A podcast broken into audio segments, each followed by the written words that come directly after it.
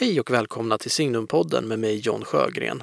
En samtalspodd producerad av tidskriften Signum som rör sig högt och lågt, vitt och brett inom Signums intressesfär.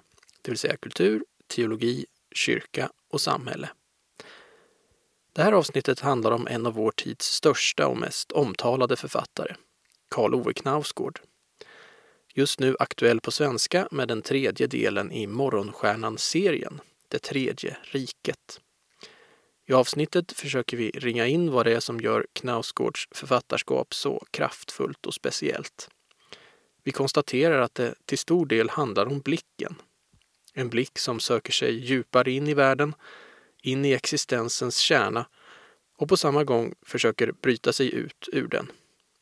Ett författarskap förankrat i det immanenta men som hela tiden söker sig mot det transcendenta. Gäst i avsnittet är Greta Skylt, kulturjournalist på Dagens Nyheters kulturredaktion. Hoppas ni ska finna samtalet intressant.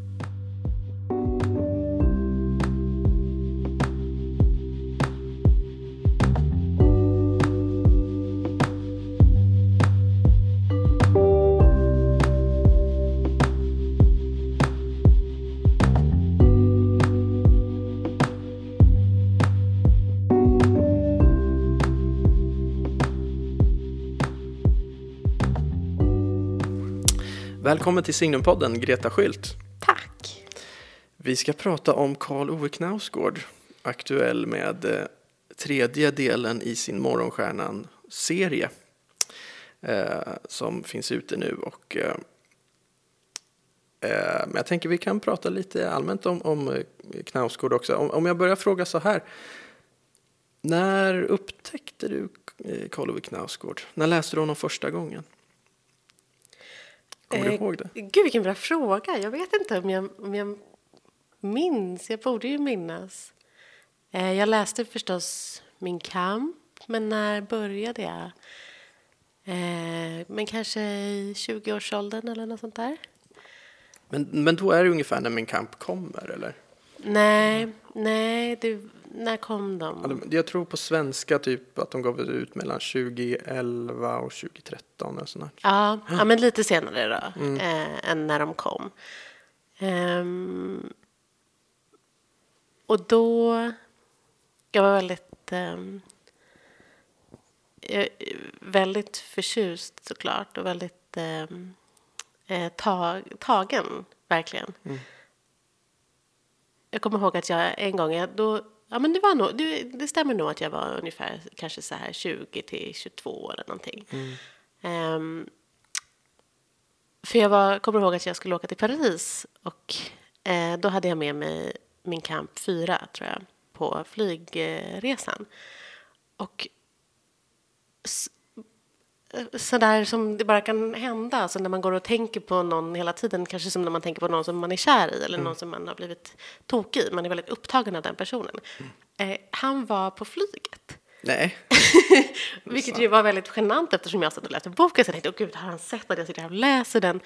Oerhört pinsamt, men också väldigt... ehm, ja, någon typ av synkronicitet. Ja, alltså att han var där. Han, Ja. Jag tänkte så mycket på honom och var så upptagen av honom att han liksom manifesterades på flyget till Paris. Det låter som någonting ur Morgonstjärnan nästan. Ja, precis. Den här... ehm, Den här Mm. Det finns eh, ju ett flygplatsscen där i första boken. Ja, Mm. exakt som den här eh, mannen med ärren som dyker upp överallt fast Precis. han eventuellt är död. Ja, så, så var Knausgård Vad märkligt. för mig. Men eh, du hade fyran med dig, hade du läst 1, 2, 3 eller började du med fyran? Nej, jag hade du läst 1, 2, 3. Ah, okej. jag mm. var nog bara på fyran. Mm, just det. Eh, Så, så det är min eh, relation till Knausgård. Jag har, är, har, är och har varit så upptagen av honom att han manifesterar sig framför mig. Ja, men det är underbart. det är underbart. Men vad var det som grep dig? Kommer du ihåg det? Kan, kan du liksom ringa in det eller sätta ord på det? Vad det var som grep dig så, som gjorde att du blev så liksom, besatt av det här? Då? Jag alltså, jag tror- förstår det ju helt och hållet. Men... Ja, du är också Men- knausgårdian. Jo, men jag tror att det som, som är så bra med honom och som är så bra med kanske alla stora författare, men särskilt den här kanske lite um, allomfattande romanstilen Mm. eh, som eh, både finns i min kamp förstås, men också finns i, i den här Morgonstjärnan-sviten. Att alla har sin egen Knausgård. Och mm. om man lever ett långt liv ihop med honom så kan man också byta under, under årens lopp. Alltså mm. när jag läste Min kamp kanske jag var mest upptagen av det eh, relationella och, och kärlekstemana och sådär. Men, men medan jag nu kanske tycker att någonting annat är mer intressant eller någonting annat är mer framträdande i, i Morgonstjärnan och då är inte det här eh, liksom, ja, vad ska man säga, hans eh, tankar om, om kärlek kanske inte är det som drabbar mig allra mest. Mm. Så jag tror att det är, är, det. Det är en typ av författarskap som man också kan eh, gå tillbaka till och eh, liksom hitta nya, nya synsätt på hela tiden. Mm, mm. Ja, verkligen. Det är som en... Ja, jag är också svag för sådana författarskap och konstnärskap som är som de nästan manifesterar en hel värld på något sätt. Ja. Och man kan kliva in i det som, ja.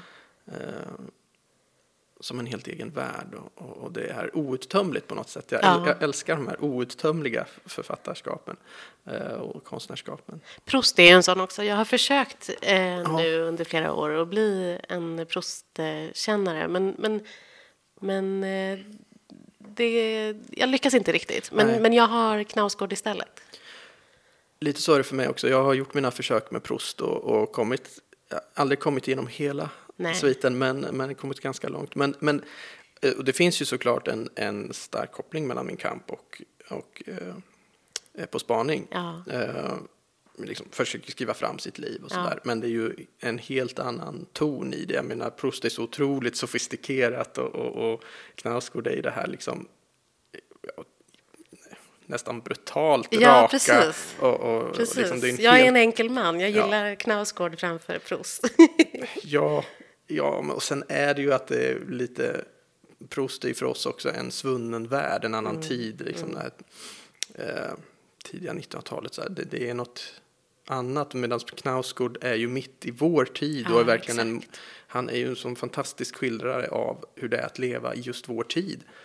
Eh, Gud vad bra att du säger det. Det är verkligen sant. Knausgård kan ju vara en nostalgisk eller liksom återblickande i sitt eget liv men, men inte um, historiskt på det sättet. Alltså, jag, menar, jag tror verkligen att jag, jag, lever med en person som är väldigt intresserad av det förgångna.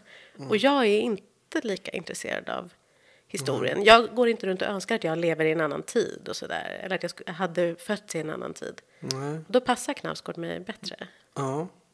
Samtidigt som han ju, eh, tycker jag i alla fall, vad du säger, tycker att han gestaltar en vantrivsel i eh, den moderna kulturen. Mm, ja, ja så, men så att, så att, man kan ju vantrivas i kulturen och ändå inte se framför sig att man hade trivts bättre i någon annan. Nej, precis. Nej, precis för det finns inget sån nostalgiskt eh, drag hos Knausgård, det gör det inte. Nej. Utan det är ju den här eh, verkligen närvarande i nuet, den här fästa blicken, eh, estetiken mm. som man har. Att mm. liksom vara, skriva sig in i liksom, den närvarande så mycket det bara går, det här som man säger i Min kamp, in i existensens kärna mm. som man vill skriva sig in i. Så å ena sidan så finns det, som ju är den kanske tydligaste eh, eh, tematiken i alla fall i Min kamp, samtidigt som det finns det här otroligt starka längtan ut ja. ur någonting. Också ut ur det här liksom som, det är ofta han skriver att världen har slutit sig kring sig själv. Och, och människan har slutit sig kring sig själv och det finns bara det mänskliga. Och, och så det, är en, det är den här dubbelheten som gör det starkt tycker jag. Att, mm. Både ambitionen att skriva sig in i någonting, det närvarande, och sen längtan att skriva sig ut ur någonting. Mm. Och det, på något sätt är den där paradoxen som, som i spänningsfältet där som, som styrkan i hans författarskap ligger i stor utsträckning tycker jag. Jag tänker att det också är, finns en aspekt av det som är just att, att um jag är glad att leva i den här tiden för att Knausgård, för att, för att jag får leva samtidigt som Knausgård och ja, liksom ja. betrakta det här författarskapet på nära håll. Alltså, nu, nu är jag en person som arbetar med att mm. och, och läsa och skriva om litteratur så det är klart att det präglar mitt liv mycket. Men, men, ehm, jag är glad att det finns en, en Proust för vår tid. Ja, men verkligen. Och att jag får uppleva honom. Ja, jag håller helt med. Det är, det är kul att, för det är inte så ofta, det är väl liksom en, högst två Mm. per generation som kommer som blir sådana här liksom stora konstnärskap, stora författarskap Ja. som liksom präglar hela den tiden eller lyckas fånga hela liksom Ja. tidsandan. Och, och Knausgård är ju onekligen eh, den Ja. författaren, Ja. tycker jag. Som blev så tydligt med Min kamp, men som man nu fortsätter i den här Morgonstjärnan eh, serien då, som Mm. är någonting annat. Men, men jag, jag tänker, jag kan stanna lite i min kamp. För att, eh, jag minns när jag läste den först, jag var också liksom sen på bollen. Jag läste den inte när de kom, för jag var jag är lite äldre än dig, så jag var ändå... Jag, när de kom så jag tror jag jobbade på UNT då, Uppsala Nya Tidning på kulturredaktionen där. Och det var liksom allt, det enda som skrevs på kultursidorna då var ju om, om min kamp. Ja, vilken var- drömtid Ja. att få leva i. Ja, nu när jag ser tillbaka till på det så, precis, vilken dröm. Men då blev jag nästan så anti. Att jag sa, nej men jag orkar inte läsa det där. Så jag läste det liksom inte då, utan läste det ungefär samtidigt som dig kan jag tänka men först några år senare. Då jag, för, för att det var, den debatten eller det som skrevs om det verkade vara så banal på något sätt. För det handlade mest om, om det här, ja men såklart det etiska i det, att Ja. skriva, lämna ut andra människor på det sätt som man Ja. gör också. Men sen var det liksom det här, du vet de här kända scenerna där han den här babyyogan och sådär. Ja. Liksom var det där det skrevs om och Ja. det där tyckte, det låter inte så intressant. Nej. Liksom någon norsk eh, medelålder som skriver om sitt vardagsliv va, liksom, och är småbarnsförälder, det låter inte så spännande. Men sen tog jag upp böckerna några år senare och då men det här är ju litteratur på liksom högsta nivå. Det, Ja. det, är ju inte bara, det är inte bara att han beskriver sitt liv, han beskriver ju allas liv. Det är ju liksom att det går rakt in i ens eget liv och man bara känner igen sig så otroligt mycket, även om det är helt andra förutsättningar eller liksom. Ja, och jag kände igen mig. Nu kollade jag faktiskt när den första kom och den första kom på, på svenska 2010. Eh, då var jag 16. Så, att, så att det var... Mm. Det väl lite tidigt Ja, kanske. kanske lite Mm. tidigt. Eller i alla fall så är jag ganska glad att jag inte började läsa dem då. För då är Mm. jag inte helt säker på att jag hade eh, haft, haft vett att uppskatta det. Nej. Även om det inte kanske dröjde så himla länge till att jag kunde börja göra det. Men, men jag tror också att, att det är just det där som du säger att, att eh, det finns en, en nidbild av Knausgård som jag i och för sig upplever håller på att luckras upp ganska mycket nu på grund av, av eh, Morgonstjärnan-sviten och annat. Och för att det var ett tag sedan Min kamp kom och man kanske har insett att den här Dels är den här debatten om hur mycket får man lämna ut, den är också så genomtröskad. Det är så många Ja. andra s- exempel som har tagit vid. Jag Precis. tror nästan att man kanske i första hand snarare refererar till Vigdis Hjort eller någon idag, Ja, snarare än ja, Knausgård. visst. Men, men också för att det här med... jag gillar babyrytmik-scenerna jättemycket. Den är- de är jättebra. Men de är jättebra och jätteigenkännbara. Och jag kunde liksom förstå och känna igen Ja, ja. i dem som 20-åring. Trots att jag aldrig hade varit på babyrytmik. Men, men, eh, men det... Men när man... eh, Jag tror ändå bilden av min kamp också har vidgats sedan dess. Mm. Det är, inte, det är inte kanske så coolt längre att och liksom rynka på näsan och säga en pappa som inte vill gå på babyrytmik. Nej, nej, ja, men ingen tycker att min kamp är det. Nej, nej, precis, för det är ju inte det det handlar om. Men det var ju det som var, man kunde få bilden av det när man läste kultursidorna Mm, men inte hade läst böckerna. Så kunde man, att det, liksom, det var, hur många sidor nu är det? 3000 sidor om, om det liksom, men det är ju inte det. Nej. Och sen hade ju jag mina liksom, teologiska glasögon på mig också när jag plockade upp min kamp och Ja. såg om hur tr- otroligt mycket liksom, teologi det var. Och, och, och, och ja, men den här starka längtan efter transcendens Ja. och gudslängtan som, som är helt liksom, explicit utskriven. In, inte liksom som man måste gå in och göra några Nej. djuptolkningar. Utan, Nej. och han beskriver ju där också hur han skriver sin andra roman där, eh, En tid för allt, som ju en ganska teologisk roman. Handlar om änglar Det kan och, man lugnt säga. och han går in, ja, för det, i den finns det ju en teologisk avhandling Mm. som är, ja, Jag älskar En tid för allt. Den är Ja. så konstig. Det liknar ingenting annat som man har läst. det är, det är hans andra då som Ja. handlar om Ja, det handlar ju mycket om änglar. Han återberättar delar av Bibeln. Mm. Ehm, ja, jag tyckte den var fantastisk. På ett sätt kan man väl säga, om man ska göra en övergång till, till den här morgonstjärnan, så, så tar väl morgonstjärnan vid lite där, en Ja. tid för allt. Liksom, min kamp kommer där i, i, emellan och de här årstidsböckerna, men på sätt och vis tar väl en vid där, för att eh, det tar ju vid med de här eh, teologiska temana. Mm. Jo, men det är roligt. Jag, jag, eh, eftersom det här ändå är en podd som, som rör sig kring, kring teologin. Jag är kanske inte en, en så våldsamt religiös person men när jag läser Knausgård så, så blir jag kristen. Alltså det är som att jag... jag ehm, dels för det här som jag sa förut att, att jag är så glad att, att få leva i den här tiden. Att det finns någon som har um, anden i sig på något sätt. Men också det här med att han är ett sånt eh, andens instrument. Alltså man får känslan av att, att han är en sån total mystiker i sina böcker och samtidigt är han, när man läser intervjuer med honom, totalt ovetande om det. Alltså han kan få en fråga så här, tror du på Gud? Nej, det vet jag inte. Alltså det är liksom, Ja, ja, Ja, han har inte ens reflekterat över det. Han vet inte Nej, hur otroligt eh, religiösa hans böcker är. Trots att han har skrivit en bok, alltså En tid för all, som bara är så en omtolkning av några bibelberättelser. Ja, och jag menar min kamp också. Det, det, ju, det var ju en i, i kristna kretsar nu då nästan lite så här legendarisk intervju som, som Erik, din, din man, gjorde för många år sedan. Mm. Då, då det första som Erik sa, som jag minns det, var att eh, liksom, min kamp är det mest kristna verk jag har läst, eller något sånt där. Så. ja. Och då svarade ju Carlo eh, typ så- Tycker du det? Ja, jaha. Och så förklarar Erik ungefär varför Mm. han tyckte det. Och så, ja, det låter ju sant. Det är nog sant, ja. Ja. men Ja, han har inte nej, reflekterat. aldrig reflekterat. Nej, men det är, det är precis som du säger. Jag tror att han är som ett... eh, Och många stora konstnärer är nog så. Exakt, Alltså, det är det. Inte så reflekterande, utan de är instrument för liksom allting. Är, är det någonting han är, så är det att han är så otroligt känslig, tror jag. Att han, att han har liksom nästan inget eh, skydd mot världen på något Nej. sätt, tror jag. Och att han, då kan allting liksom gå in och filtreras genom honom och så kommer det ut eh, på det här sättet.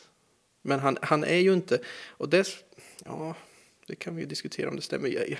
Han är inte en stor intellektuell liksom på det sättet. Nej, brukar- Samtidigt finns det de här essäerna som är väldigt lärda. Men, mm, Jag brukar, eh, han har sagt i någon annan intervju att, att jag parafraserar, jag kommer inte ihåg det exakta citatet, men att han, han eh, tänker bara när han skriver. Alltså det är det enda tillfället när hjärnan är påslagen. Och så tänker jag delvis på mig själv också, att jag när jag inte sitter och liksom eh, faktiskt har liksom tangentbordet framför mig så, så, så är hjärnan avstängd. Men också att det är en typ av, det säger också någonting om den eh, ja, nåd kanske som han eh, genom eh, strömmas av när han skriver. Att det är någonting som, som verkar genom honom. han skriver oerhört eh, snabbt också har jag förstått. Ja. Mm. Eh, ja, nej, det är någonting. Lite på gott och ont. Om vi nu ska Ja. komma in på, om vi Ja. nu ska komma in på morgonstjärnans biten så är det ju lite på gott och ont Ja. som han skriver så fort. Man får ju Absolut. känslan i det tredje riket som har kommit nu men också i de tidigare att de är ehm, eh, nedtecknade i hast. Absolut, det är de ju. Eh, det, det är som att han, eh, tycker jag, jag får känslan av att han, han är så bra på sitt hantverk så att säga och kan det här så att han, han gör det här nästan som på lek, känns det som. Och eh, att han leker fram de här motiven han har, som ju är mycket klichéer faktiskt. Alltså från, eh, jag vi pratade här innan, att, att liksom det är ju det är Stephen King-böcker det här. Det är ju liksom genrelitteratur. Eh, och det är massa sådana här typ, ja men igenkännbara motiv och ja, jag skulle säga klichéer då från, från skräcklitteratur och skräckfilmer. Och, Men tycker du inte de är läskiga? jo, det är Det skitläskigt. är så läskiga böcker. Det Jag vill, jag vill varna läsare som inte har gett sig på eh, Morgonstjärnan. Jag hade en, en vän som också är Knausgård-fan som jag liksom, du måste läsa den, du måste läsa den. Och så började hon och bara, varför sa du inte till mig att det var så fruktansvärt läskigt? Ja. Men man tänker ju inte att det ska vara liksom att Karl Ove Knausgård nu kommer med en serie skräck. Total skräck. Nej, jag har en skräckreaktion som är att så fort jag tycker saker är läskiga så börjar jag gråta. Ah, och du kommer okej. säkert att få se det hända under Ja, ja, den här ja. inspelningen. För att det, tårarna bara börjar forsa när Ja. jag tänker på liksom, ehm, alla otäcka scener Ja, i, i Tredje riket. Ja, ja, det är bra att du förvarnar mig Ja, så att jag jag, vet jag är inte det... ledsen, jag Nej. är livrädd. Ja. ja, men ska vi gå in i det här läskiga nu? Ska vi gå in i den här Morgonstjärnan-serien som man håller på med? Mm. Alltså, om den ställer bara en väldigt öppen fråga. Vad, vad är det han gör egentligen i de här böckerna? Vad är det han försöker åstadkomma? Det, jag blir inte riktigt klok på det. Alltså, Jag tror att det är lite som du sa tidigare, att han eh, skriver på känsla. Han har kul. Han eh, utforskar eh, kanske genrer och troper och klichéer som man inte kanske har... Det var svårt i min kamp att skriva en skräckscen plötsligt. Ehm, men, men jag tror också att den här formen passar bra för att eh, utforska ämnen som han liksom uppenbarligen är väldigt upptagen av. Och som man kan se både i Min kamp, inte bara det kristna utan också, eller ja, de hänger väl ihop, men inte bara. Alltså jag tror att liksom Min kamp kan man läsa den här sviten med många olika glasögon på sig. absolut. Och det finns en eh, Morgonstjärnan, om vi nu kallar sviten för Morgonstjärnan, läsare som, som tycker att det bara handlar om döden. Eh, och att det inte egentligen har så mycket med, med det liksom religiösa att göra utan det är en bok som handlar om döden och vad som händer när människor, vilket vi blir varse i den här boken, slutar att dö. Mm. Och så finns det en annan som, som kanske läser det mer som en, en berättelse, alltså som, som min kamp också, som en berättelse om livet. Alltså det, det är inte skräckelementen som är det mest framträdande utan det är någon som står och steker fiskekakor och, och spelar fotboll som Syvert i den förra i um, Ja, det var ju väldigt, väldigt långt sånt avsnitt. Jag var inte så... Alltså, jag ska inte säga att jag inte var förtjust, för jag är alltid förtjust. Men jag var inte lika förtjust i Vargarna från evighetens skog som jag var i Morgonstjärnan och som jag är i den här. Jag tycker håller fortfarande med. att den första var bäst, om man nu får säga så. Det tycker jag man får. eh, men att jag eh, var glad för Det tredje riket därför att den är en återgång mycket mer till formen från första. Ja, det är det. Och den är mycket, om någon blev kanske avskräckt av vargarna från evighetens skog som är det där första långa syvertpartiet som är väldigt, väldigt långt eh, och långsamt. Men jag vet många människor som jag, vars omdöme jag litar på och värdesätter som tyckte det var helt underbart. Jag tyckte att det var helt underbart efter 150 sidor ungefär. Ah, du kom in i det? Ja, jag kom, in jag kom i, aldrig in ja, jag kom in i lunken sen till slut. För första undrade för mig, det händer ju ingenting. Vad är det här? Ska det inte komma igång? För det fanns ju också så många trådar liksom, Ja. från första boken som man ville. Liksom. Jag vet. Men sen till slut så kom man in i det där. Och, och det är väl 300 sidor eller något Sivert Mm, först. Så de, andra hälften där tyckte jag var, då tyckte jag var underbart. Mm. Och då ville jag bara vara kvar i det där. Ah. Ja. Men det har jag, har jag också läst i någon intervju att det var liksom ett manus han hade liggande om Syvert. ja, just det. det har jag så också han har hört. bara liksom... Han stoppade Klippt in och det klistrat. Ja, ja, precis. Han, han är lite loose nu Ja, efter liksom ja. kamp och allting. Han kan Men ta det det tycker lugnt. jag är roligt. Det är också roligt att läsa någonting som är sådär lite ehm, under arbete. Alltså på ett Mm, sätt så kan det frustrera mig.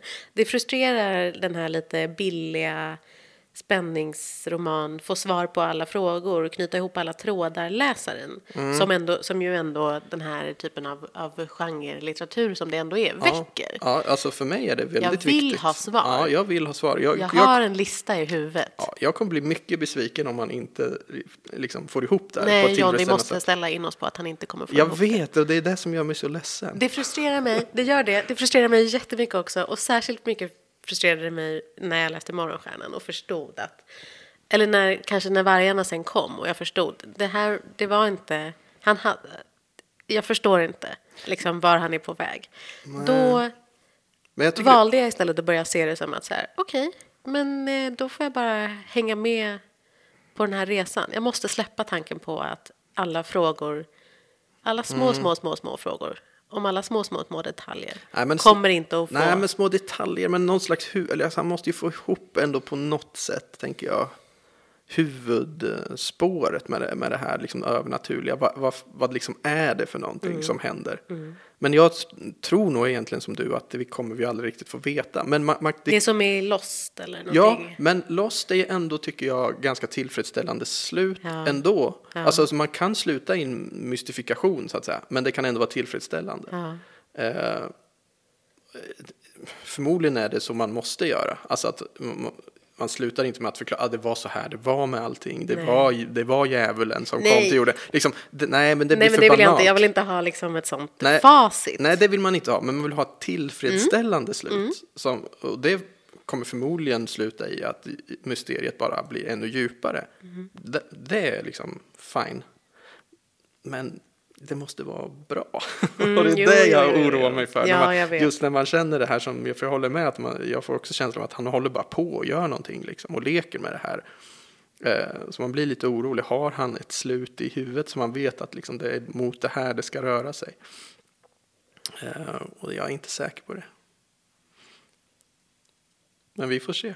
Vi får verkligen se. Men ska vi säga någonting? Jag tänker vi bara liksom babblar på här och går in i. Ska vi säga någonting om, om vad liksom ramen för om jag tänker om någon som lyssnar kanske inte eh, har läst. Eh, vad, vad är liksom ramen för de här eh, berättelserna, de här, de här böckerna, Morgonstjärnan? Jo, ramen är då just den här stjärnan. En, en dag stiger en stjärna på himlen som inte har varit där förut. Eh, och som Vä- väldigt stor. då. Ja. väldigt stor, lyser med ett klarare sken än alla andra stjärnor. Och samtidigt börjar det då, särskilt i Morgonstjärnan, att hända väldigt mystiska, bibliska saker. Eh, Krabbor stiger upp ur haven och, och nyckelpigor regnar från himlen. Och, och det sker då samtidigt som en, en rad karaktärer i Morgonstjärnan och sen lite nya karaktärer eh, därefter lever sina vanliga liv i Norge och i nummer två, Vargarna från evighetens skog, också i Ryssland. Just det. Och där färdas vi också tillbaka lite i tiden till 80-talet. Eh, vi får följa en Syvert som han heter i sin ungdom på 80-talet och sen Ja. hoppar vi tillbaka in i, i eh, samtiden då. Ja. Och jag tycker själva, ehm, ja men eller jag tycker, själva spänningen i, i romanen är just det här. Kasten mellan det väldigt vardagliga, liksom eh, Knausgård, jag eh, står här och steker fläsk. Och det här liksom gigantiska mysteriet, vad är stjärnan? Vad är det som händer? Varför i ehm, det tredje riket har människor som borde ha dött slutat att dö? Vem är det som har um, mördat det här eh, black metal-bandet på ett så fasansfullt På bestialiskt sätt, sätt? Ett, på ett sätt som egentligen ingen människa kan göra. Vi behöver inte gå in på Nej, exakt hur- hur precis. det är tillvägagångssättet är. Men, men det Men verkar en som att det liksom inte är... poliskonstapel går runt och konstaterar gång på gång att det är inte möjligt för en människa att mörda på detta vis. Nej. Och i första boken får vi ju en, en, en, någon som ser det där på håll också. Någon Ja. glimt utav någonting och bara står det var ingen människa. Och så är det ingen mer. Så, Jag börjar gråta. ja. ja, men det är otäckt alltså. Mm, det är väldigt otäckt. Men jag, jag tänker att en, en stor tematik här som, som går in, eh, anknyter också till min kamp, handlar om blicken och så synen. Alltså vad är det möjligt att se? Och det är också någonting som artikuleras i en essä i första boken i, i Morgonstjärnan av den här Egil Stray som är som en av karaktärerna där.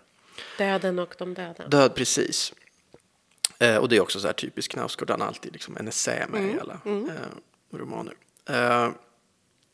Men där, där artikuleras ju det och det finns också i min kamp, alltså vad är det möjligt för oss att, att se? Alltså det här fästa blicken brukar man ju säga, mm. så typiskt Knausgård. Och där har vi det här liksom vardagliga fästa blicken, se det vi har framför liksom, näsan och verkligen se det och vara närvarande. Eh, men här liksom, vidgar han det då till att, ja men vad är det möjligt för oss att se när det transcendenta, det som, det, det som han och gestaltade mycket i min kamp, alltså längtan ut ur det här, mm. liksom, i det här instängda, det här mänskliga som vi har konstruerat. Mm. Vi kommer inte ut ur det. Uh, och det var ju det han, liksom, fast som frustration över det i min kamp tycker jag. Mm. Uh, och här leker han då med, okej, okay, men vad händer när det verkligen kommer någonting som alla kan se? Det kommer en stor stjärna på himlen, liksom mm. som det går inte att förklara att den är, det, är liksom, det är så tydligt något övernaturligt. Och så börjar dessutom de här liksom bibliska sakerna, de här övernaturliga sakerna ske. Och, och, och den, här, i tre, den här tredje boken här nu då, den här poliskonstapeln eller utredaren som, mm. som liksom med sina rationella, liksom deduktiva metoder mm. kommer fram till att äh, det, här, det här är ingen människa. Och, och, och så till börjar han till och med liksom så här, kan det vara djävulen? Mm. Det, det, det, mm. det, liksom pekar på att det är djävulen mm. som har kommit till jorden och gjort det här. Uh, ja, och kan inte så, du som är mer teologiskt bevandrad än jag bara säga vad morgonstjärnan är i en biblisk kontext? Ja, det finns ju en, är det djävulen eller är det Jesus? Det vet man, det finns ju både och i Bibeln kan man säga. Det finns, i, den, I Gamla Testamentet så finns, jag tror det är Jesaja, så, så en referens till morgonstjärnan, och det är Lucifer mm. då. Mm. Och det har man i traditionen eh, kopplat samman med djävulen, med satansfiguren som är den fallna ängeln då, morgonstjärnan som faller från mm. himlen. Eh, men sen finns det också en, en referens i eh, Bibelns sista bok, alltså Nya Testamentet, eh, Uppenbarelseboken, eh, där morgonstjärnan refererar till Kristus. Så det kan vara både djävulen och det kan vara Jesus. Och den, den eh, spänningen fanns ju väldigt mycket i den första boken, mm. att man inte riktigt visste, mm. för där var det mer att okay, det börjar hända konstiga saker. Mm. Men är det onda eller goda saker? Äh, precis, men jag tycker det blir tydligare nu i den här tredje boken att nej, det är nog inte Kristus vi har, och, för det blir väldigt mörkt här och man börjar gå in i det här, okej, okay, det är faktiskt djävulen som, som har kommit här. Precis, på det sättet är det inte kanske en kristen bok i traditionell bemärkelse så mycket som det är en okult bok. Ja, men både och, för det är intressant den här eh, om vi går in i den här tredje boken nu då, eh, Tredje riket, så, så handlar ju, jag tycker att hjärtat i den är, väl den här relationen mellan Line, heter hon va, och, mm. och Valdemar. Mm. Och Valdemar är då, eh, han finns i centrum för den här black metal-rörelsen. Mm. Och det här är intressant, för det här anknyter han till något som, som finns i den norska historien Verkligen. med den här black metal-banden på Verkligen. början på 90-talet som ju ja, hade ihjäl varann och, och brände kyrkor och allting. Så mm. det, det, här finns ju ändå liksom som ett spår. Ja. Eh, men han är då liksom navet i, i den rörelsen. Och eh, de håller ju på med några typ av hedniska ritualer då som man ah, antyder att det kanske är så att de har lyckats väcka djävulen till liv. Mm. Men han anspelar... Men har de lyckats väcka djävulen till liv eller är det djävulen där? Ja, det är ju det vi inte riktigt vet. På himlen? Ja, det är det vi inte vet. Och riktigt. djävulen som också dyker upp, eller som jag tolkar det som att djävulen också dyker upp i Tove då, den här konstnären. Ja, precis. Eh, hon är eh, psykotisk och hör röster. Eh, och hör en röst. Hon börjar höra en röst som hon inte känner igen och som inte mm. är som de Hon är van att höra röster. Mm. Hon vet hur det är. Hon vet vad de här rösterna brukar säga till henne. Och det här mm. är en annan röst. Och, han, och, säger han inte så här, men du vet vem jag är. Ja, du vet. Ja, mm. ja. Och det är ju också att jag vill inte ens gå in på det fasansfulla som händer i slutet. När, när djävulen kommer på besök. Men, men det är väldigt, eh, ja precis, där är det ju, det blir också tydligare och tydligare att det inte är Kristus nej, som, står, som står på himlen. Nej, nej, så är det. Och där vänder han också på det här perspektivet med Tove, för henne får vi se utifrån i första boken, ja. genom hennes mans blick då, Arne. Ja. Och då får vi följa det här förloppet, samma förlopp som vi nu får följa i, i den här tredje boken, ja. fast inifrån henne då. Och i första boken så är det ju väldigt tydligt så här, hon går in i en psykos och, mm. och man ser det här utanför, utifrån. Men så får vi det här inifrån perspektivet mm. då, att aha, det är djävulen. Och så har vi ju ändå det här, ja men det är ju no, stjärnan står ju där på himlen och den här polis, eh, eh, ja, utredaren, han kommer med sina helt rationella metoder fram till att djävulen kanske har kommit till jorden och då liksom vänds det, och då är det ytterligare här, ännu en gång det här att se. Vem är det som ser? Ja. Alltså, bo, både den här då förment sjuka blicken då ser hur det är, men också den liksom, väldigt rationella blicken kan se hur det är. Så det har inte riktigt med tro att göra. För det är kul, den här eh, poliskonstapeln, han går ju till Katrin, prästen, och frågar då, för att han börjar ana att det är kanske djävulen som har gjort de här Ja. grejerna. Så han måste fråga någon präst då, liksom, hur är det, hur tänker kyrkan kring det här? Ja. Finns djävulen? Vad har eller? norska kyrkan för Ja, liksom, och då får han ju ett dogmer liksom, om djävulen? Alltså, ja. Nej, men det är mest en symbol och sådär. Och, så att det är inte liksom, det är inte på det här enkla sättet. Vad hade hänt om man hade gått till katolikerna?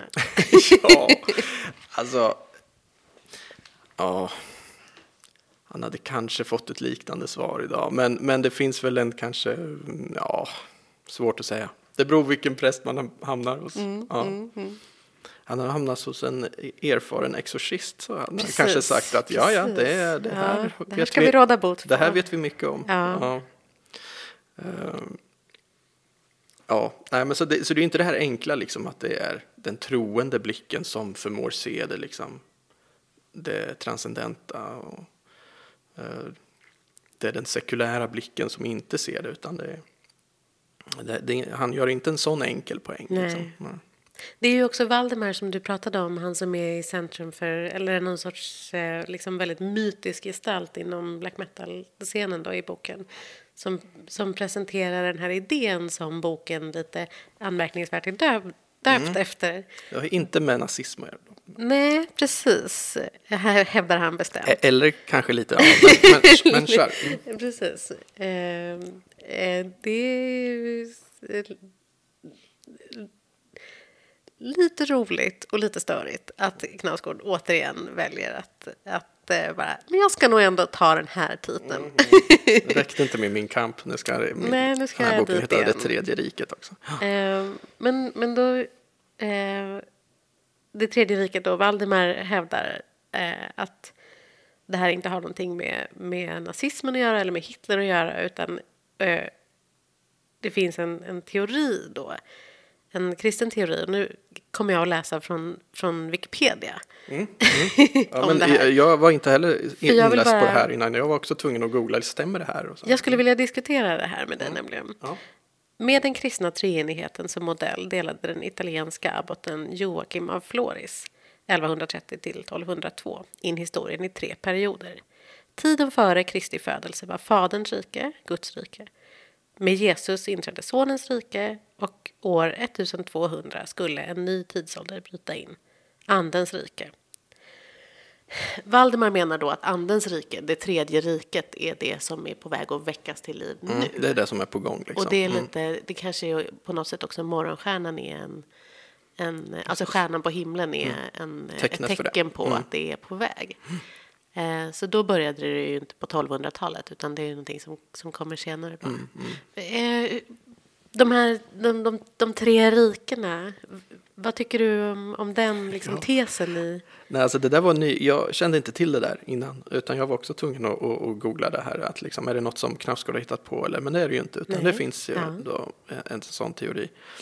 Eh, Som Hitler sen har liksom Precis, sugit, sugit ut upp, märgen ur Och- och, hittat på lite egna Precis, grejer och det är ju sånt där Knausgård älskar också. Ja, att, att liksom om man hit, hitta det där som är eh, där det finns någonting som är liksom spännande på riktigt och som, och som sen har liksom utnyttjats på ett eh, ja, som de onda krafterna sen Mm. liksom har. Och, och, och, och då- där finns ju också den här tvetydigheten och där tänker jag att det, det är därför han väljer det, den titeln och den här idén också. För att det finns de här nazistiska konnotationerna. Även om Valdemar då säger att det är inte det det handlar om, det är inte det det handlar om. Så, fi, så finns det ju det och jag menar den här black metal, det, det, det är någonting otroligt mörkt i det. Alltså, samtidigt som det finns en otrolig kraft i det. Mm. Och eh, det är ju det där han är intresserad av, alltså där det finns, eh, apropå anden då, alltså det som är den här okontrollerbara kraften på något sätt i, i, i det kristna tänkandet som är eh, den som är född av anden, den, den blåser vart den vill som det Mm. står i Bibeln. Och, och liksom, vi vet inte, vi har inte kontroll på det här. Och eh, det, det är därför jag tycker det är så snyggt att han kopplar det till Valdemar också och till den här black metal-scenen som, som har det där. Jag vet inte hur bevandrad du är i black metal. Inte lika mycket som du tror jag. Nej, men jag är inte jätte, men jag har varit inne och nosat på det där lite grann och det finns, det finns någonting där som är otroligt kraftfullt. Ja. Som, in, som och är otroligt mörkt och jag tror kan vara farligt om man går in i det för Ja, djupt. men och- väldigt och, lockande också. lockande, eh, farligt. Om man kan hantera det tror jag kan vara eh, kan vara psykologiskt eh, att man kan må bra av att gå in i mörkret och sen kunna ta sig ut, ut ur det igen. Eh, men det som hände i början på 90-talet där med de här norska banden var ju att man, unga känsliga killar som går in i det kan inte komma ut ur det. Och, och hamnar i ett fasansfullt mörker och där det blev ju liksom mord och självmord och, och allt var det, ja, det var ju otroligt mörkt. liksom. Det som också sker med de här fyra pojkarna i det här andra bandet, då, inte Valdemars band, utan Nej, det är de som hittas då, ritualmördare. mördade av någonting som inte kan vara en människa. Människa, precis. Ja. nej, men det är så snyggt att han, att han anknyter till just det. Då. Jag tycker han beskriver det också, för de är på en konsert där han, och han beskriver den här musiken. Och han, är så, han är ju en väldigt musikmänniska, Knausgård också, lyssnar väldigt mycket på musik. Och han är väldigt bra på att beskriva musik. Och det här är musik som inte finns då, att han, han har ju hittat på det i liksom ett fiktivt band. Men han beskriver det otroligt bra, tycker jag, den här kraften i det. Som är just det här liksom, det tredje, alltså Ja, anden, anden. då, alltså Ja. som är det här. Är Men vad tänker du då? farligt, Som, liksom? som kristen, tänker du då att anden, det är, inte, det är inte, det är inte, det kan ju inte vara den heliga treenighetens ande. Nej. Alltså djävulen har Nej. också en styrka. Ja, precis. Och det är det som är så farligt med den där. Och, och, och att liksom. Urskiljning är ju ett väldigt viktigt begrepp i, i, eh, i kristen tradition, Ja. i synnerhet i, i Hur ska man veta vad som är vad? Vad ska, hur ska man urskilja andarna pratar ju eh, Ignatius av Loyola om eh, jesuiternas. Passar ju bra att pr- prata om i Signum som drivs av jesuiter. Eh, eh, där det liksom, ja men det går ut på, det andliga livet går mycket ut på att urskilja andarna. Alltså vilka är de goda och vilka är de onda andarna. Eh, och eh, här är de ju i någon slags, och det tycker jag är så fascinerande med Valdemar-figuren, att man som läsare heller blir inte riktigt färdig med den urskiljningen. Är han något liksom sant på spåren här liksom? Eh, med, med sin tredje riket-teori och, och, och det finns något liksom genuint andligt också. När Det finns en ganska fin scen då han, de badar tillsammans en natt under stjärnhimlen och, så, och så frågar han, tror du på Gud? Och, och hon är ung, liksom, ganska vanlig tjej som säger, nej jag vet liksom inte riktigt. Och så säger, men Hon är Knausgård. hon är Knausgård, ja exakt, ja. Och, och han, eh, typ, ja men hur kan man eh, bada under stjärnorna en, en natt liksom här och inte tro på Gud? Och sen kommer en scen lite senare som är väldigt obehaglig då han ska skära i henne. Och så. Alltså och det blir, mm, som, man får då göra den här urskiljningen själv då som läsare. Vad, vad, vad är det som händer här egentligen? Ja, men absolut. Och alla som hör den här black metal-musiken, det är ju en black metal-roman eh, i mångt och mycket. Eller Mm. jag menar, av- alla saker det är så är det också en black metal-roman.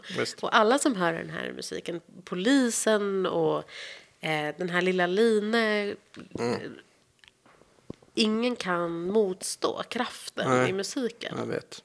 Trots att musiken är så mörk och trots att musiken är förknippad med så mycket ondska också Mm. i, i boken. Men, den, men, men eftersom anden både finns då i det här eh, bandet, Valdemars band och i bandet som senare blir mördat så är det som att Ja, där, där finns det också en väldigt eh, stark och väldigt potent kraft som ju påminner lite grann om, om den kraften vi pratade om inledningsvis, alltså Knausgårds kraft. Visst. Det finns ju mycket mörker i honom också, i hans, i hans verk. Det är inte några eh, fromma böcker. Nej, nej, verkligen inte. Och det är inte någon from musik. Nej. Men väldigt lockande. Ja, ver verkligen. Och, och, och- och här tänker jag att Knausgård är ganska okristen egentligen. Eh, Jag, jag tycker det verkar som att han går åt det hållet i de här romanerna. Han, han, Eh, han anspelar eller refererar inledningsvis till Jung bland annat. Och Jung tänkte ju säga att alltså hade ju en dualistisk gudsbild. Det vill säga att Gud är både ond och god. Det är ju verkligen inte en kristen tanke Nej. utan där är ju Gud alltigenom gott och dess onda är liksom en brist i det goda och så vidare. Eh, men så tänkte ju inte, det är, det är en ganska unik tanke egentligen.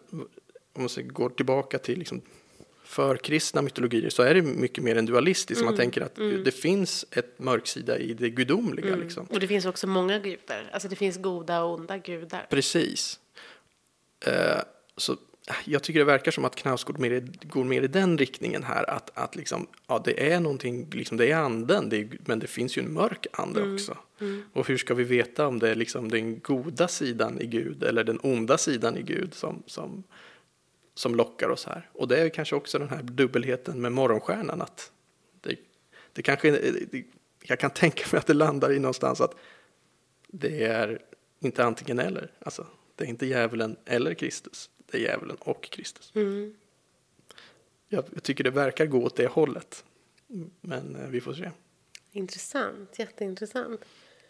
Eh, Får jag läsa ett eh, citat som, eh, ur, tidigt i boken som jag också tycker och, och, det speglar också Knausgårds inställning på något sätt till, till det kristna eller till det religiösa.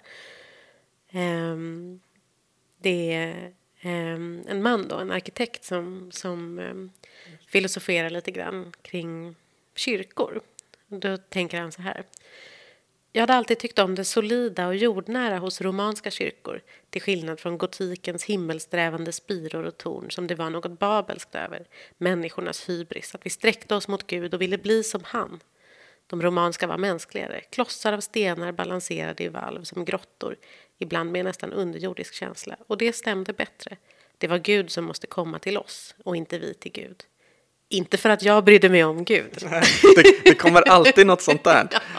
Det, där är, det där är som att det är liksom Knausgård själv som börjar tänka Han lite. kommer på, Och så kommer han på just det, jag just bryr mig ju inte. Ja, eller, eller just det, jag skriver om en karaktär som inte bryr sig om Gud. Ja, Ja, just Så måste alltid komma någon sån där. Han är ju inte kristen. Vad fan? Nej, just det, precis. Det är just- jättekul. Ja, just det, jag att det alltid kommer ett sånt liksom smäll på fingrarna sen till, till läsaren eller till sig själv eller vad det nu är. Att så här, just det, det var inte det här jag skulle prata om. Jag kan inte låta bli att hela tiden komma in på det. Nej, Ska vi vet. komma till Gud? Ska Gud komma till oss? Ja, ja precis. Å, å ena sidan tänker jag att det där är att det bara sker av sig självt för att han är intresserad och så liksom börjar han skriva. Eller så är det väldigt medvetet att han liksom, tar, liksom Han leker med oss. ja, han leker med oss och liksom lurar in det där på sina ställen för att liksom kunna dra läsaren åt det är det här det handlar om faktiskt. Det är liksom det är de här religiösa temana som det faktiskt handlar om framför allt.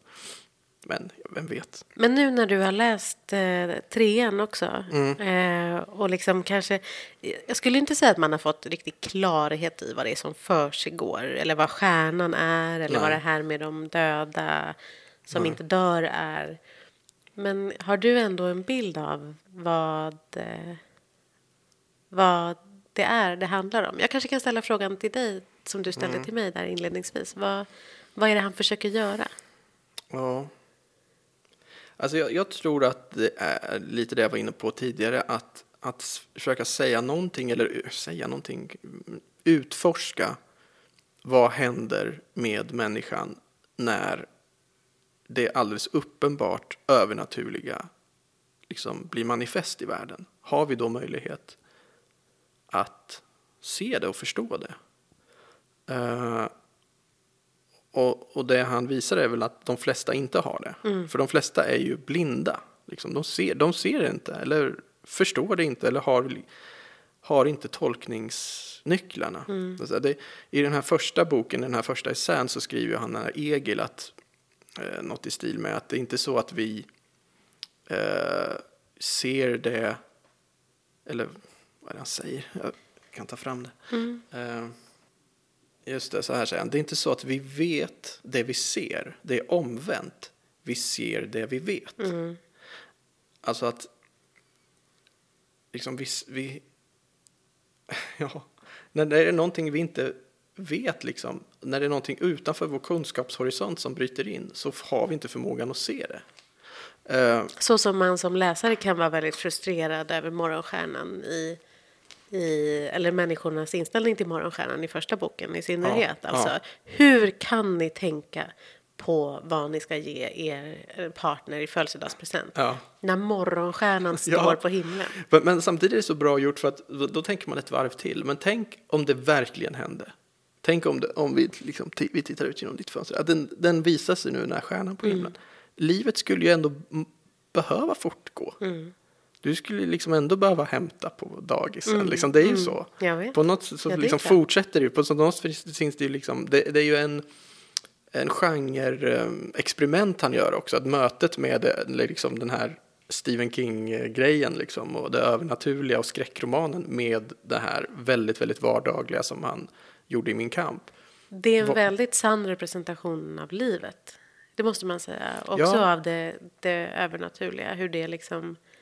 Han släpper ju inte sin realism även när, det, när det här...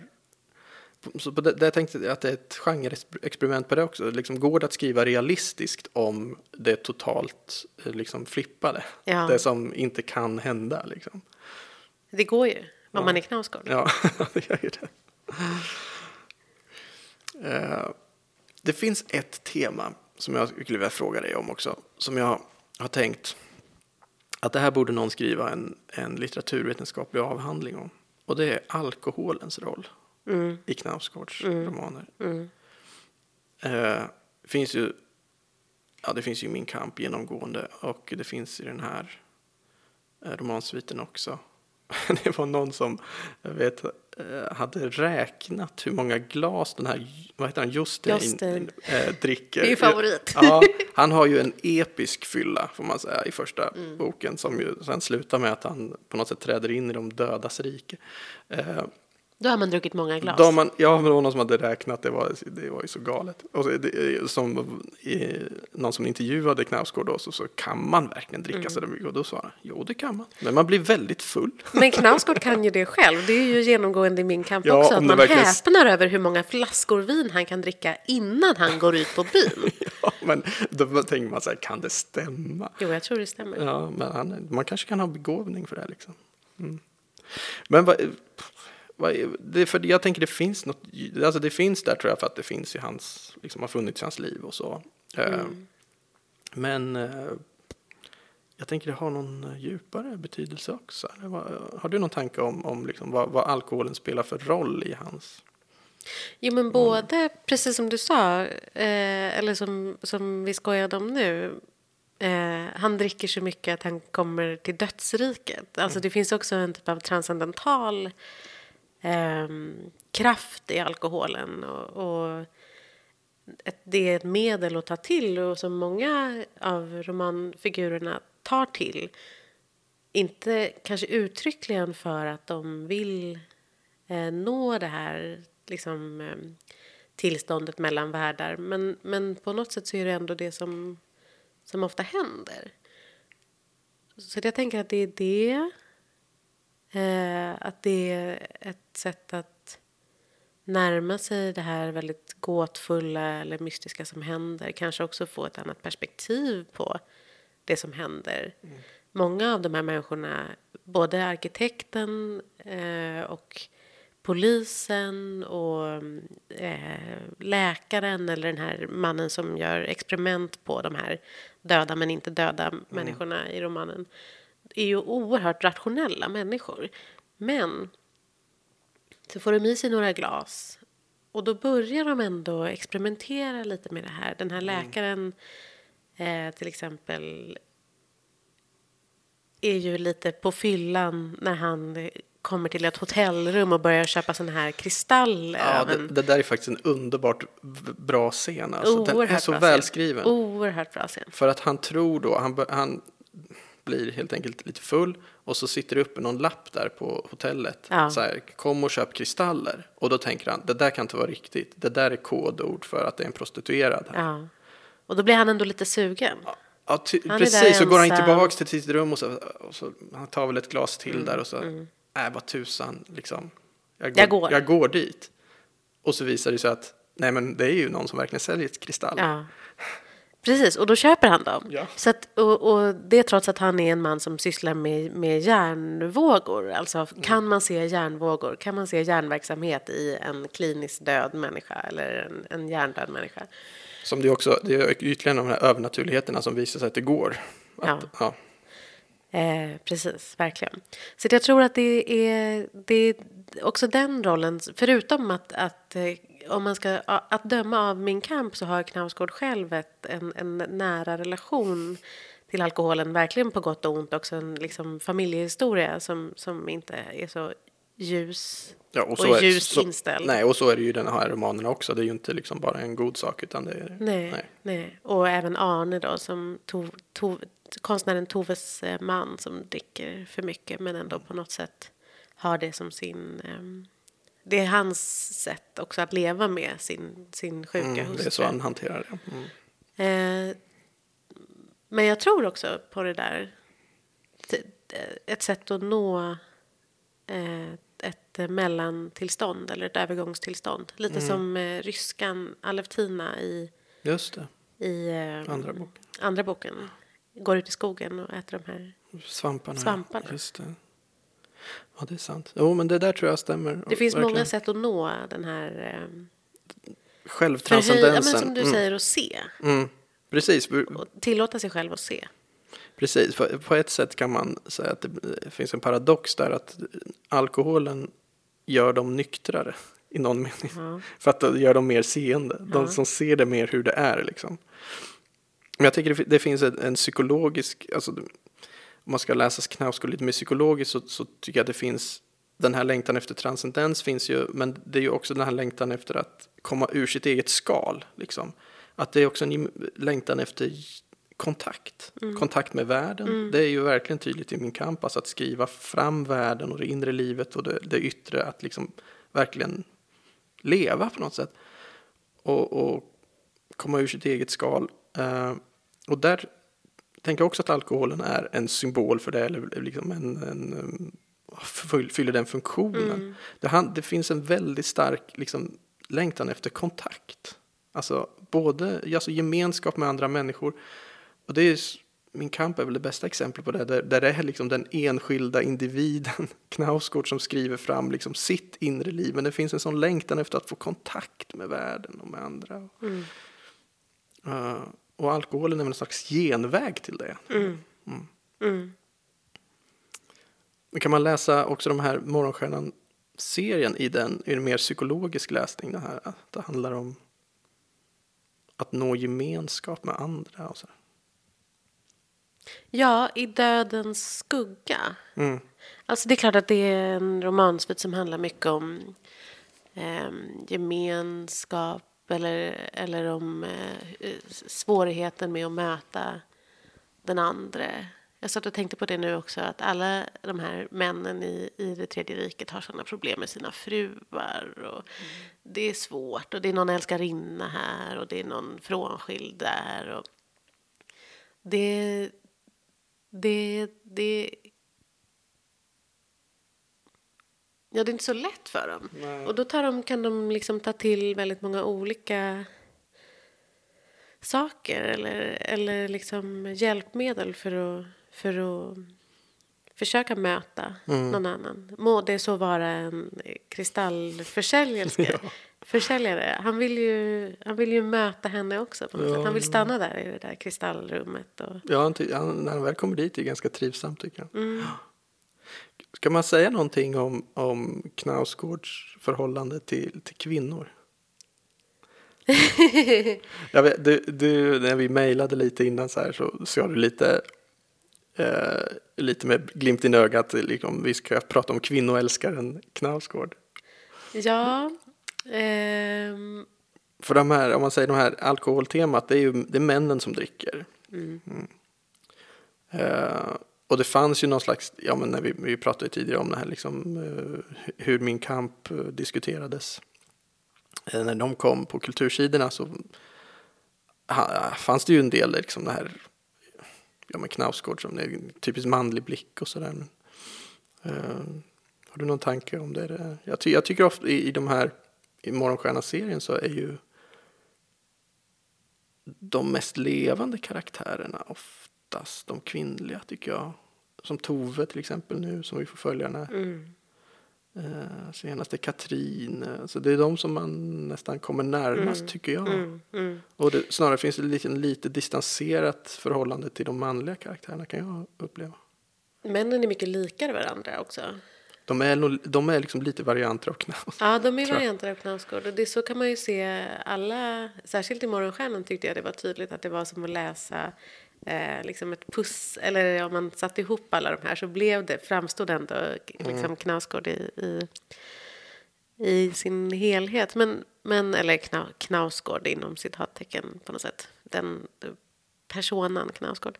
Men, men jag tror... Jag tror inte att jag har tänkt så mycket på det. Hur han gestaltar de här kvinnorna. Eh, också för att jag tror att det är klart att... Ja, jag tror att det är som du säger att, att männen eh, Subuten, Jostein och de här väldigt rationella läkartyperna och, och så. De är ju ganska, de är ju på något sätt rätt eh, stereotypt gestaltade. Det är någon, någon ehm, eh, jo men det är väl eh, polisen tror jag som, som har en fru som säger till honom att hon har funderat på att ta livet av sig och då blir han arg och säger så här fan skulle hon bara säga så där för att, för att liksom ge mig dåligt samvete alltså de är så, de är så usla liksom. Ja, visst. Eh, och så känslomässigt avstängda på ett sätt som gör att man nästan inte tycker att det är liksom, skulle man reagera så där? Medan kvinnorna, både prästen Katrine och, och flera av de andra är mycket mer helgjutna porträtt, alltså mycket mer helgjutna människor.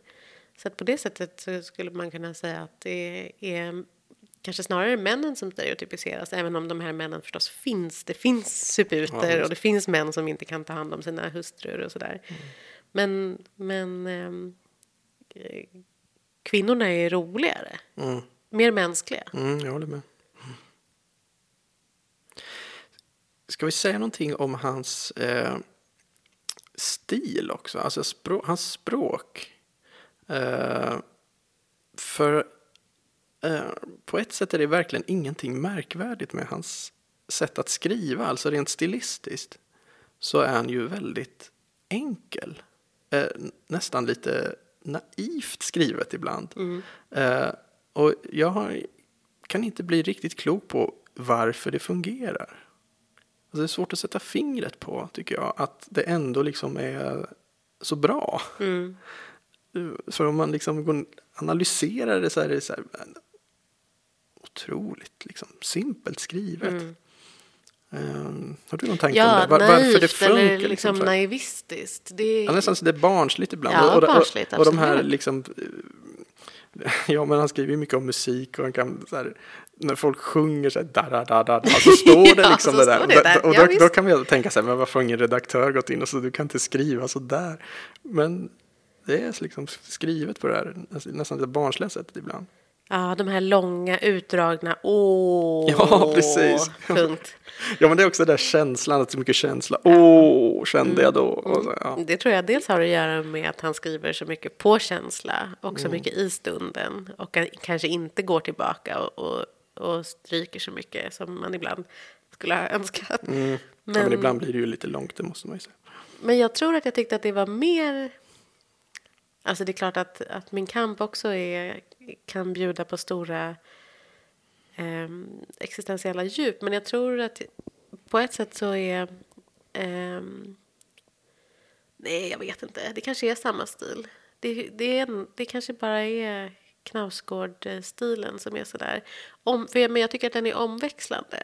Den är omväxlande Ja, väldigt det är eh, naiv eller liksom eh, baserad på magkänsla. Ehm,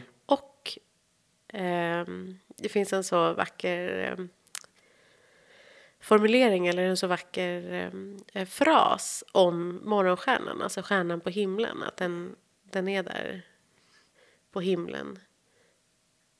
Blek som solens sjuka syster.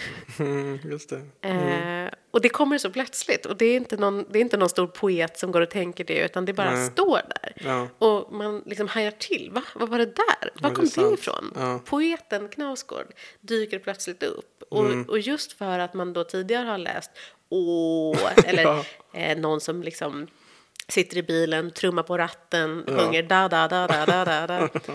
eh, så blir det det är väldigt sant, det eh, finns. laddat då, eller, eller det, det träffar en väldigt starkt. Mm.